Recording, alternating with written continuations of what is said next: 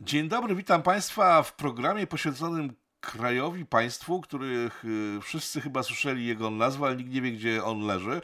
E, Trapeswik to jest najbliższa nazwa, która kojarzy się z Mozambikiem, o którym będziemy mówili. To jest tytuł z Romagia Atomek.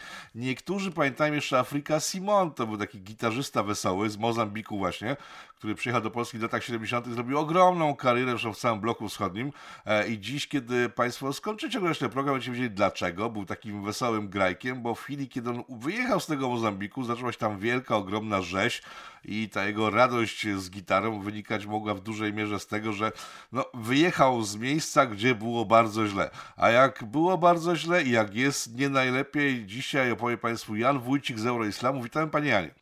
Dzień dobry Panu, dzień dobry Państwu.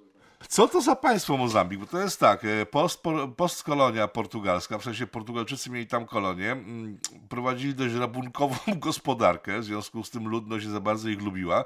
E, jako przykład tej, jak wyglądała ta gospodarka, niech świadczy sytuacja z kolejnictwem, bo tam koleje są, powstały za czasów Portugalczyków, ale one nie łączą się w sieci żadne. To są tylko proste koleje prowadzące od złóż e, surowców do portów, do portów nad, nad oceanem.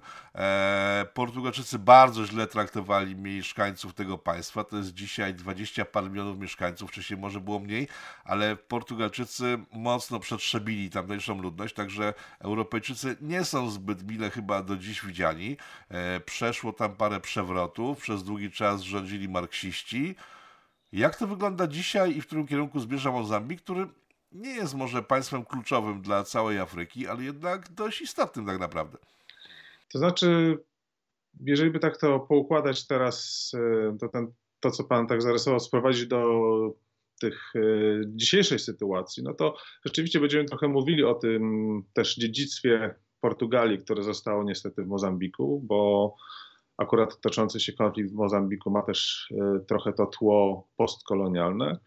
Natomiast dzisiaj Mozambik jest, y, no, funkcjonuje jako demokracja. Oczywiście no, ma pewno swoje wady, tak jak korupcja i no, moglibyśmy mówić, że to jeszcze jest daleko od takiej demokracji w sensie europejskim, jakim my widzimy. Natomiast jest to państwo demokratyczne, ale ostatnio coraz bardziej zwraca uwagę wspólnoty międzynarodowej, dlatego że Mozambik, a zwłaszcza jego północny region, jest teraz w obszarze konfliktu związanego z dżihadyzmem, z terroryzmem i no to, to ma jeszcze tło społeczne, tło ekonomiczne, natomiast y, ta, mm, te działania dżihadystów, które są na północy mm, kraju, rozwijają się i no, od takich y, niewielkich y, działań typu tutaj zaatakowali, tam zaatakowali, przeszliśmy już do czegoś, o czym się mówi jako islamistyczna rebelia, islamistyczne powstanie.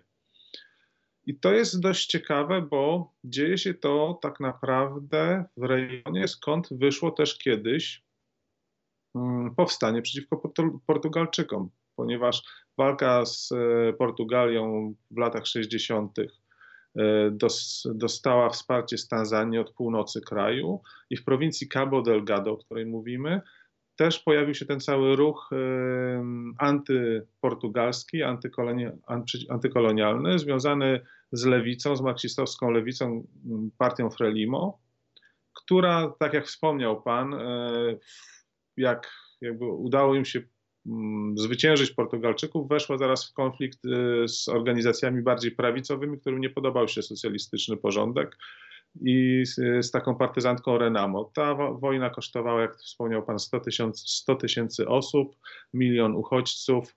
Może dlatego pan Afrik Simon znalazł się w Polsce. Ten konflikt niedawno wygasł, został sprowadzony do konfliktu politycznego. Obydwie partie Frelimo, Renamo e, walczą teraz politycznie. E, Frelimo rządzi tak naprawdę Mozambikiem. To głównie od, e, z jej kręgów wychodzi zwykle prezydent i partia rządząca. Natomiast pojawił się właśnie konflikt e, z terrorystami. Możemy opisać te partie i ugrupowania, które tam funkcjonują, bo to myślę rozjaśni sytuację. Czym jest Frelimo? Frelimo tak naprawdę była kiedyś partią marksistowską od 1989 roku. Jak się zaczął walić komunizm, oni zrezygnowali z tego. Jakby nie ma na swoich sztandarach idei socjalistycznych. Jest to jakby jedna z partii. Renamo jest to partia bardziej prawicowa. Kiedyś była partyzantką wspieraną przez Rodezję. Obecnie no, jest legalną, normalnie funkcjonującą partią. Czasami zda, zdarzą, zdarzają się zatargi między tymi partiami, które w odległych regionach mogą przekształcić się w jakieś e, drobne starcia zbrojne. E, dlatego że no jeszcze jakby te mm, pokłosie tych, e, tej wieloletniej wojny domowej zostało. Natomiast to, to jakby nie przekłada się na całe rządy kraju w tym momencie. Rozumiem. To są podziały bardziej etniczne czy polityczne? To są podziały w tej chwili polityczne, dlatego że i część ludzi Renamo i, i e, Frelimo wywodzi się z tych samych grup etnicznych. Podziały etniczne bardziej do, dotyczą Cabo Delgado, o którym będę mówił. Tak naprawdę, jeżeli byśmy mówili o tym, skąd pojawili się tam terroryści w Cabo Delgado, dlatego że mm, Mozambik to jest kraj, który w większości jest chrześcijański. Muzułmanie stanowią tam 18-19% mieszkańców, natomiast w północnej prowincji Cabo Delgado muzułmanie stanowią około 60% mieszkańców i są przeważającą grupą.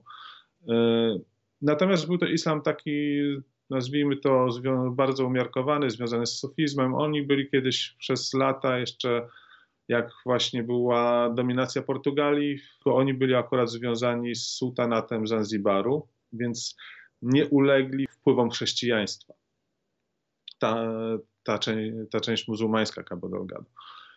No i około roku 2013-2014 do Cabo Delgado trafili e, radykalni muzułmanie. Przy, przybyli oni z Kenii, e, z, też przez Tanzanię. Byli związani z takim radykalnym kaznodziejem, szejkiem Abud Rogo, który był odpowiedzialny za, między innymi współpracował przy zamachach na amerykańskie ambasady jeszcze w latach 90. E, e, oni byli jakby jego uczniami, przybyli tam i zaczęli radykalizować młodzież. Zaczęli przedstawiać swoją taką bardzo salaficką wersję, ortodoksyjną wersję islamu. E, starszyzna wygoniła ich z meczetów. Nie, nie, chciała, nie chciała tej innowacji i jakby tutaj wydawało się, że przez pewien czas y, ta grupa nie zyska poparcia, jednak y, grupa zaczęła działać wśród młodych, stąd jedna z nazw Al-Shabaab, czyli młodzież i ich radykalizować. Potworzyła obozy, no obozy, takie niewielkie obozy treningowe w dżungli, gdzie ćwiczyli walkę również no i w końcu przeszła do tej takiej walki zbrojnej, która do około 18-19 roku mm, miała charakter takiego, takich ślepych ataków. Wpadano do wioski, do miasteczka, terroryzowano, strzelano, strzelano do ludności cywilnej i przedstawicieli państwa. Ale to zmieniło się, gdyż ugrupowanie zaczęło coraz bardziej e, wpisywać się w strategię państwa islamskiego, czyli takiego państwa, które będzie broniło muzułmanów przed opresyjnym państwem. Więc przestano atakować e, cywilów, oczywiście tych cywilów, którzy się nie sprzeciwiają islamowi i tej wersji islamu, bo inni mogą liczyć na obcięcie głowy na przykład, co miało miejsce ostatnio na stadionie w jednej z miejscowości Mozambiku, ale generalnie zaczęto atakować policję, wojsko, banki, urzędy. Nawet dochodzi do tego, że w takim w ostatnich takich atakach, na, które były planowane na miasto Mueda, dżihadyści zgodnie z taką tradycją islamską dali czas, y, ogłosili, że będą atakować i dali czas e, ludności cywilnej na opuszczenie miasta. Pytanie jest e, może, dlaczego oni są tacy Mm, no, skuteczni w tym wszystkim. Dlaczego ludzie za nimi idą? Bo w tej chwili okazuje się, że około 3000 tych y, y, dżihadystów, 2-3 tysiące według różnych szacunków dżihadystów y, znajduje się na terenie Cabo Delgado. To można porównać do armii mozambikańskiej liczącej 11 tysięcy osób, więc no jak na partyzancką organizację jest to dość silna grupa. Problemem jest tak naprawdę ogromna bieda tego, tego regionu. Cabo Delgado nosi też przydomek Cabo Esquecido, czyli zapomniany przy, przylądek, ponieważ ci ludzie, którzy wywodzili się z tej partii Frelimo, którzy no, działają teraz w centrum kraju, w stolicy, zapomnieli o e, swoim regionie i traktują go bardziej jako mm, narzędzie do zbierania zysków niż e, no, robią coś dla tych ludzi. To, to jest najbiedniejszy region jeśli chodzi o sytuację ludności. Czyli co, robią dokładnie to samo, robią dokładnie to samo, co Portugalczycy prze, prze, przez całe dekady, kiedy byli... Mniej więcej robią dokładnie to samo, tak. No, no jest bogactwo i no, ludzie chcą się dobrać do bogactwa, bo to, co mówię, e, jakby ludność kraju jest biedna, natomiast kraj region jest bogaty w zasoby, w zasoby węgla, w zasoby kamieni szlachetnych, które już tam od kilkudziesięciu lat są wydobywane, co również jest powodem kolejnej biedy tych ludzi, ponieważ ogromne tereny są zarezerwowywane pod kopalnie i ludzie nie mają gdzie uprawiać na przykład roli, bo nie mają już ziemi, a to jest w większości społeczeństwo rolne. Dochodziło też czasami w przeszłości do morderstw, zabójstw ludzi, którzy w taki sposób rzemieślniczy nielegalnie wydobywali kamienie szlachetne. Więc y, no to, to buduje różne Mm, takie napięcia, ale nową rzeczą jeszcze jest odkrycie w rejonie Cabo Delgado w szelfie kontynentalnym gazu, o którym się mówi, że jeżeli odpowiednio zadbany, będzie to największy, Mozambik mógł stać się największym eksporterem e, skroplonego gazu na świecie. Tam pojawiły się już no, wszystkie główne firmy, Total, Exxon, firmy francuskie, amerykańskie, arabskie, które szukają tego gazu, wydobywają gaz dla ludzi to nie znaczy nic praktycznie, ponieważ nawet nie, oni nie otrzymują zatrudnienia, ponieważ ich kwalifikacja, edukacja jest tak niska, że firmy ich nie zatrudniają i ściągają pracowników e, na przykład z Azji Południowo-Wschodniej. Hmm? No to, Więc... musi budzić, to musi budzić niezadowolenie mieszkańców. Tym bardziej, jeżeli cofniemy się do tych kamieni szlachetnych, to są rubiny, tak, jeśli się nie mylę. Tak. To jest 40% złóż światowych właśnie w Mozambiku, czyli wyglądałoby, że to państwo jest bardzo bogate, jeżeli chodzi o surowce. Teraz pan wspomniał o gazie e, a wszelkie zyski są wypompowywane w, na zewnątrz, bo tam rubinami zajmuje się jakaś brytyjska firma, tak? Mieszkańcy z tego niewiele tak. mają. Państwo też chyba nie. No mieszkańcy mają tyle, że tracą jeszcze dostęp do ziemi. A pytanie, ile państwo ma, tutaj ciężko mi jest mi powiedzieć, natomiast e, ma pewna grupa społeczna z tego regionu, związana z e, taką grupą etniczną Makonde, z której wywodził się też ten ruch Frelimo, która uwłaszczyła się tak naprawdę na tej ziemi i to ona jest e, główną stroną transakcji, czy z kopalniami, czy na przykład z firmami poszukiwającymi gazu. Z kolei, i to jest ludność, tak, e, która była najsilniej pod wpływem portugalskim, ludność schrystianizowana, a z drugiej strony mamy ludność taką nadbrzeżną, Kimłani, to są właśnie muzułmanie, którzy, są związani, którzy byli właśnie związani kiedyś z sultanatem zanzibarskim i ci praktycznie nie mają nic. I to oni stają się właśnie takim obiektem radykalizacji ze strony e, dżihadystów to ten układ też, ten układ biedy, struktury rządzenia, e, takich różnic, e, przepaści takiej pewnej etniczno-religijnej między tymi dwiema grupami, powoduje, że niektórzy politycy w Maputo, w stolicy Mozambiku, zaczynają się obawiać, czy nie dojdzie tam do sytuacji znanej z Rwandy, tak? Czyli jedna z grup po prostu wyrżnie drugą e, z powodu różnych no, animozji i i całej propagandy mm, konfliktu roztaczania, aczkolwiek no, znajdującej uzasadnienie w rzeczywistych realiach e, socjoekonomicznych.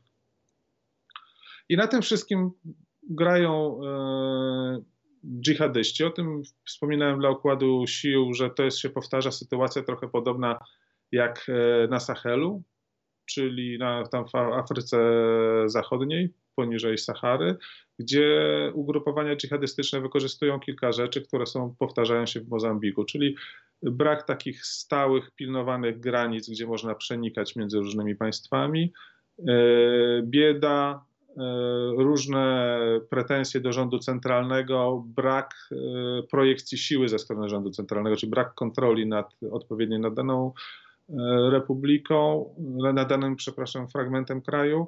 I również konflikty etniczne. Te rzeczy są wykorzystywane do takiej kampanii radykalizującej, która nabiera tyle siły, że już y, jeżeli w maju na przykład y, rozmawialiśmy o sytuacji, gdzie tam mamy miejsce z różnymi ogniskami zapalnymi, to w sierpniu ugrupowanie było w stanie zdobyć jeden z takich kluczowych na północy portów Mocimboa da Praia, gdzie zlokalizowane są blisko infrastruktury gazowe i y, trzyma tą kontrolę. Nie zdołano tego odbić ani siły rządowe, ani ściągnięci z Rosji Wagnerowcy, ani też ugrupowania najemników y, z Afryki Południowej, z, Republiki, RPA.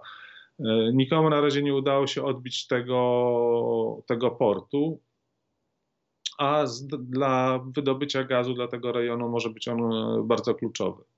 E, wspomniał Pan o Sahelu, link do naszego materiału o Sahelu poniżej, e, poniżej, poniżej tego okienka, w którym nas Państwo widzicie. E, co oferują w, w islamiści miejscowej ludności?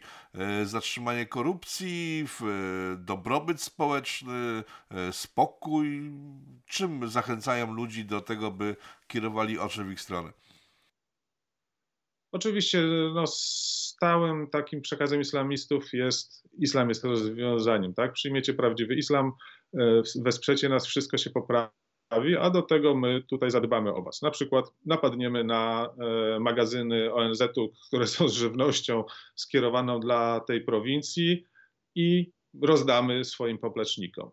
E, napadniemy na banki, zrabujemy banki, damy wam pieniądze. Biorą też, mówi się, że około 30 milionów e, dolarów w ubiegłym roku e, dżihadyści w Mozambiku zarobili na przemycie narkotyków, bo Mozambik stanowi tranzyt dla, mm, dla przemytu kokainy, heroiny, innych narkotyków e, z, z Tanzanii dalej w stronę RPA. I to tak dla porównania ta liczba 30 milionów dolarów e, z budżetem armii mozambikańskiej, który wynosi około 82 milionów dolarów. Więc e, pokazuje to, że terroryści w krótkim czasie przy wsparciu jeszcze finansowym, o które się ubiegają w internecie od różnych zwolenników dżihadu, mogą zrównoważyć finansowo, a jeżeli jeszcze liczebnie zrównoważą armię mozambikańską, no będzie coraz trudniej ich się pozbyć. Wracając do tego, co oni jeszcze obiecują, oprócz tego wsparcia, no, e, obiecują też, grają właśnie na tej nucie konfliktu etniczno-religijnego, mówiąc, że dobra e, Cabo Delgado powinny należeć do mieszkańców Cabo Delgado, czyli gaz, rubiny i tak dalej. E, że to nie, nie są dobra Mozambiku, tylko tych mieszkańców i mieszkańcy są okradani, więc w ten sposób oni wygrywają jakby taką walkę o rząd dusz, aczkolwiek y, do tego są bardzo brutalni.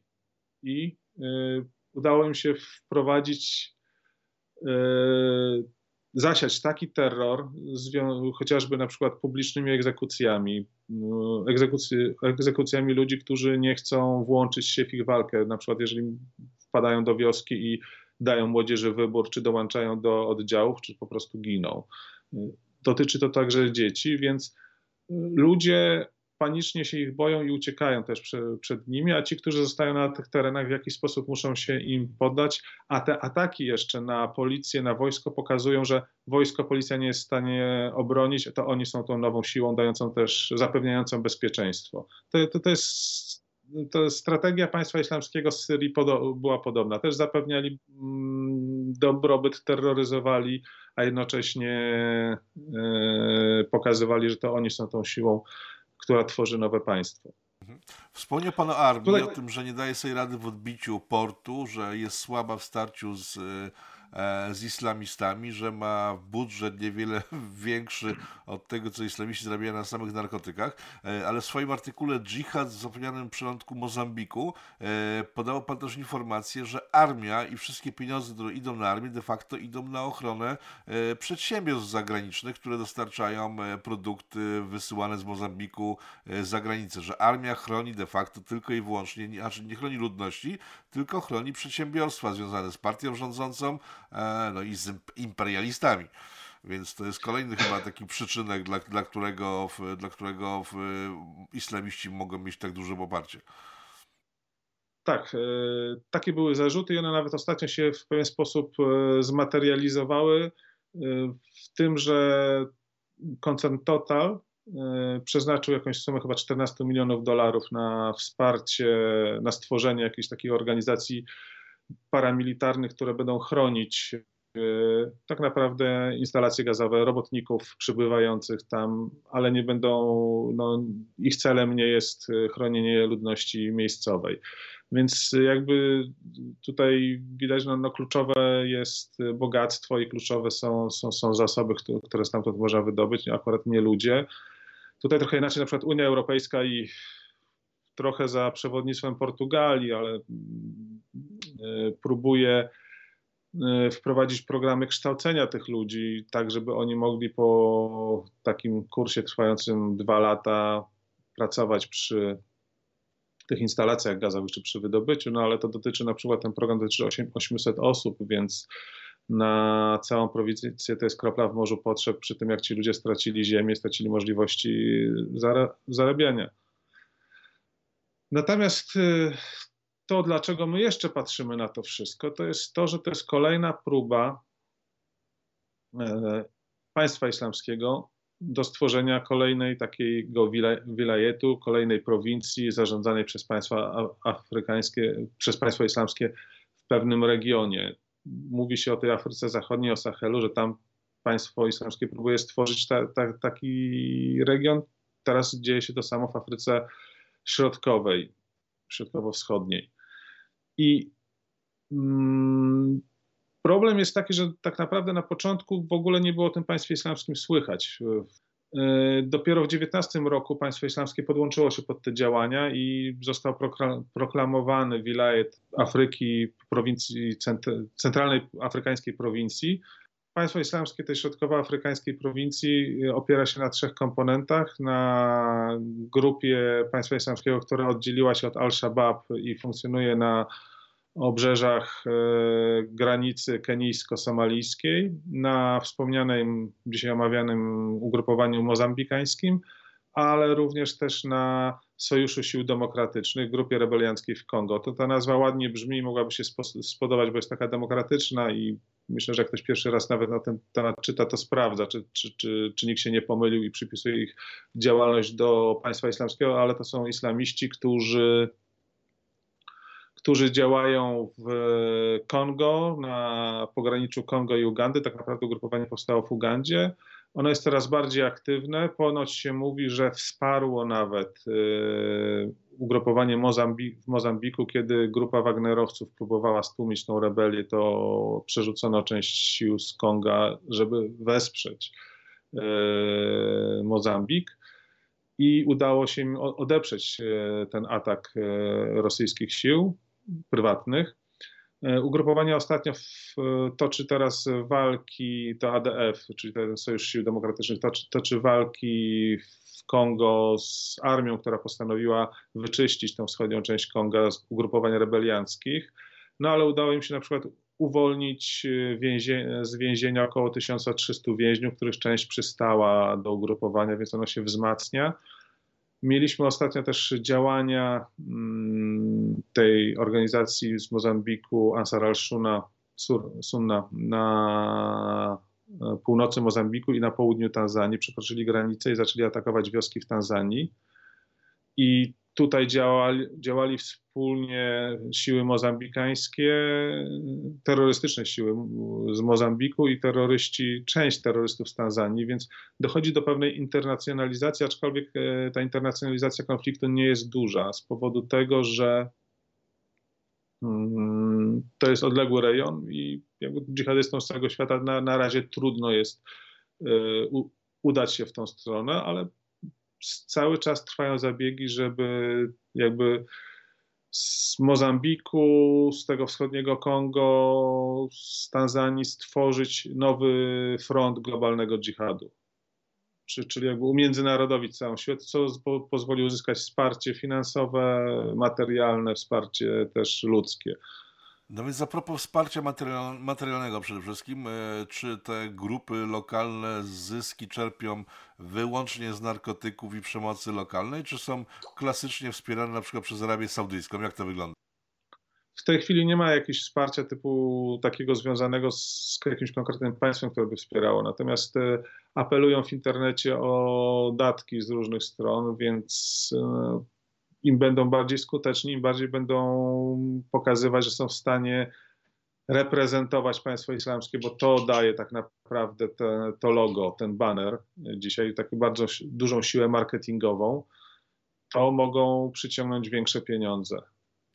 Z kolei siły rządowe liczą, uwaga, na moją ukochaną Turcję. Z tego, z tego co pisał pan e, w układzie sił, który polecamy, jest teraz w rogu okładka e, magazynu, w którym znalazł się pana tekst.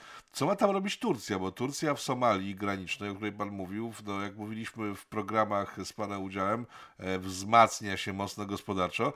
Czego Mozambik może oczekiwać od Turcji, która chyba jest złasa na odkryte złoża gazu, jeśli faktycznie się potwierdzą?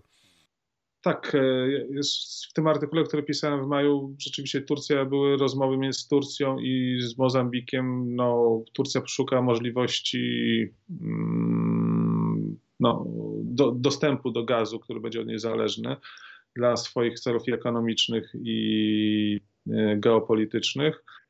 Natomiast no, też jest postrzegana w Afryce nie jako ta imperialna siła, więc y, może Mozambik liczył na to, że Turcja będzie tutaj wspierała. Na razie, na razie jednak to się nie pojawiło i ostatnie tygodnie mówią o mm, coraz większym angażowaniu tej wspólnoty południowo, południowoafrykańskiej, takich państw jak e, Malawi czy Tanzania, które by chciały po prostu jednak nie dopuścić do rozszerzenia się tej rebelii dżihadystycznej. I na razie w tej chwili nie ma konkretnych y, militarnych działań, natomiast zaczęły, no, zostały podjęte decyzje o wsparciu Mozambiku. Natomiast jakbyśmy jeszcze mieli spojrzeć y, na to wszystko, mm, czy to jest tylko wojna z dżihadyzmem, to jest też pewna wątpliwość, ponieważ dziennikarzom, organizacjom pozarządowym jest trudno dotrzeć ten rejon Cabo Delgado. My do końca nie wiemy, co tam się też tak dzieje. Jakby szczegóły są niepotwierdzone. Są opracowania, które mówią, że tak naprawdę to może nie chodzić tylko o dżihad, tylko dżihadyści odegrają rolę pożytecznych idiotów, wzbudzą powstanie, wzbudzą rebelię, która zostanie stłumiona przez y, armię mozambikańską i tych ludzi y, związanych z południem Mozambiku. Czyli tak naprawdę będzie to działanie południa Mozambiku po to, żeby położyć ręce na złożach pół, północnej prowincji i pozbawić y, tych zysków y, ten lud Makombe, który w tej chwili czerpie, czerpie, z tego zyski. Więc to jest taka też wewnętrzna gra w ramach partii Frelimo, gdzie ludzie, którzy do tej pory rządzili Mozambikiem, chcą wrócić i kontrolować zasoby.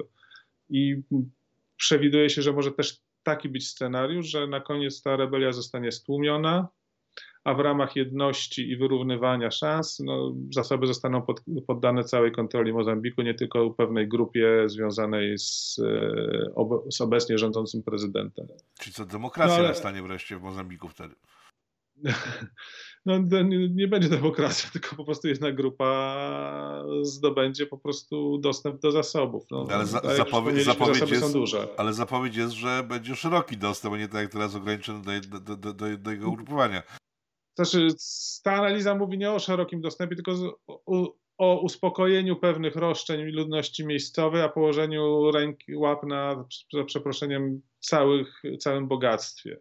Więc e, to mo, może być, może dla tych ludzi z Mozambiku może być lepsze niż e, ta dominacja w tej chwili grupy związanej z, z, z prezydentem, a, ale czy to ogólnie jest celem działań tej grupy z południa, to, to, to raczej nie. Ale ta armia w Mozambiku jest w stanie opanować sytuację, kiedy już ją dobrze rozkręci, bo mówi Pan o tym, że ugrupowania islamistyczne z, całego, z całej okolicy się zjeżdżają, żeby zrobić rządowi gangbang e, i czy ta przepraszam, i czy, ta, i czy ta armia Mozambiku jest w stanie opanować sytuację w chwili, kiedy się rozkręci na dobre. Sama, sama armia z Mozambiku nie jest w stanie tego zrobić, ponieważ, e, tak jak wspomniałem, jest e, tylko kilkakrotnie liczniejsza od dżihadystów, co w walce z partyzantami może być słabą przewagą, a nie jest też jakoś specjalnie dobrze wyszkolona i ma niski budżet. E, dlatego rząd tutaj próbuje ściągać różne prywatne grupy, jak wspomniana grupa Wagnera. E, mówi się też o ugrupowaniach związanych e, też prywatnych firm kondotierskich związanych z Zjednoczonymi Emiratami Arabskimi. No i teraz próbuje się aktywizować inne państwa Afryki Południowej, no, które mogą mieć pewien interes jednak w tym, żeby ta rebelia nie rozszerzyła się też e, poza granice Mozambiku. Tanzania już w tej chwili jest bezpośrednio za, zainteresowana i stwierdziła, że zaangażuje swoje siły militarne w tłumieniu tego, no po tym jak e, dżihadyści z Mozambiku przekroczy, z Cabo Delgado przekroczyli granicę Tanzanii. A pamiętamy z Syrii, że kiedy już no, takie państwo powstanie, no to jest trochę trudno jednak e, się pozbyć. Trochę czasu zajęło to nawet nie tylko armii mozambikańskiej, ale Stanom Zjednoczonym, Rosji, Syrii i Kurdom do spółki. Tak? Także, także ten, im, im szybciej będą działać, tym większe szanse mają na opanowanie tego. Później może być e, trudniej. A propos Stanów Zjednoczonych, to Mozambik jest kolejną ofiarą sytuacji wywołanej w ciągu ostatnich lat przez Donalda Trumpa, czyli wycofania się e, USA z, z lokalnych wojenek w Afryce między innymi. E, I mimo, że są to amerykańskie firmy w, w, związane z wydobyciem energetyków, e, amerykańska armia nie kwapi się do tego, żeby zabezpieczyć ich interesy. Na razie próbują to robić właśnie tym, że są powoływane prywatne ugrupowania, które mają chronić te interesy. Natomiast e, no, nie obwiniałbym Trumpa.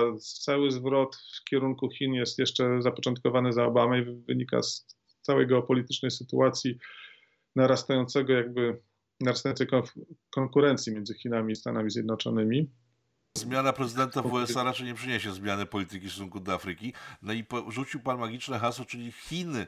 E, Chiny kojarzone z tym, że opanowały całą Afrykę. Czy Chiny odgrywają jakąkolwiek rolę w, w Mozambiku? W tej chwili, na, na obecną chwilę nie. Na obecną chwilę nie odgrywają jakiejś roli w takim sensie, no, no firmy chińskie prawdopodobnie się pojawiają, ale nie mamy sytuacji takiej, że, że Chiny są tam dostawcą na przykład bezpieczeństwa, tak, że gwarantują bezpieczeństwo temu krajowi tej, w tej chwili na, ra, na razie kraj sam szuka rozwiązania dla tego problemu w, w północnej prowincji. Okej. Okay. Jakie scenariusze możemy kreślić na najbliższą przyszłość dla Mozambiku? Jeden ze scenariuszy to jest to, że będzie takie pełzające powstanie, że, że ciągle gdzieś tam będzie brak stabilizacji, ale firmy na przykład sobie opanują to i będą jakoś z tym żyły. No, bo będzie region podwyższonego ryzyka dla wydobywania cennych zasobów. Mieliśmy to w historii nieraz i, i, i to funkcjonowało. In, innym scenariuszem jest to, że rzeczywiście tym organizacjom dżihadystycznym uda się przekonać ruch y, dżihadystyczny, że to jest miejsce, w które za, warto zainwestować swoją energię i środki i zaczną tworzyć, rzeczywiście zdobywać części terenów, ale to wtedy z, może związa, ściągnąć uwagę większych graczy i, próbować to, to, tłumić. No i trzecie, trzecie, trzecie scenariusz, o którym wspominałem, mm, przedstawiany przez, zdaje się, analityków z Holandii, którzy, którzy, którzy dobrze sprawdzili e, warunki, różne układy w samym Mozambiku, to, to jest to, że, że rebelia zostanie stłumiona, została wyeskalowana do pewnego poziomu, zostanie stłumiona i kontrolę nad zasobami przejmie, przejmie ugrupowanie, no, część partii Frelimo z południa. Czyli co, de facto minęło ponad 100 lat od czasów okrutnego kolonializmu, który tam miał miejsce, a czy skończył się w latach 70., ale jesteśmy świadkami we wszystkich trzech scenariuszach powtórki z rozrywki, czyli miejscowa ludność e, żyje w biedzie, żyje pod jarzmem śmierci, zagrożenia życia, a europejskie i amerykańskie korporacje wydobywają surowce i wywożą je z kraju, tak? Czyli y, wszystko się zmieniło, żeby nic się nie zmieniło. No w pewien sposób można tak to określić, natomiast no, to raczej rolą rządu jest uregulowanie tego, jak e, europejskie korporacje i amerykańskie korporacje wydobywają arabskie korporacje też nie zapomnijmy. Arabowie też tam wydobywają tam. Tak, tak, tak. Firmy arabskie także również poszukują tam gazu. No, no, no, ka każdy, kto praktycznie jest w biznesie gazowym, pojawił się tam.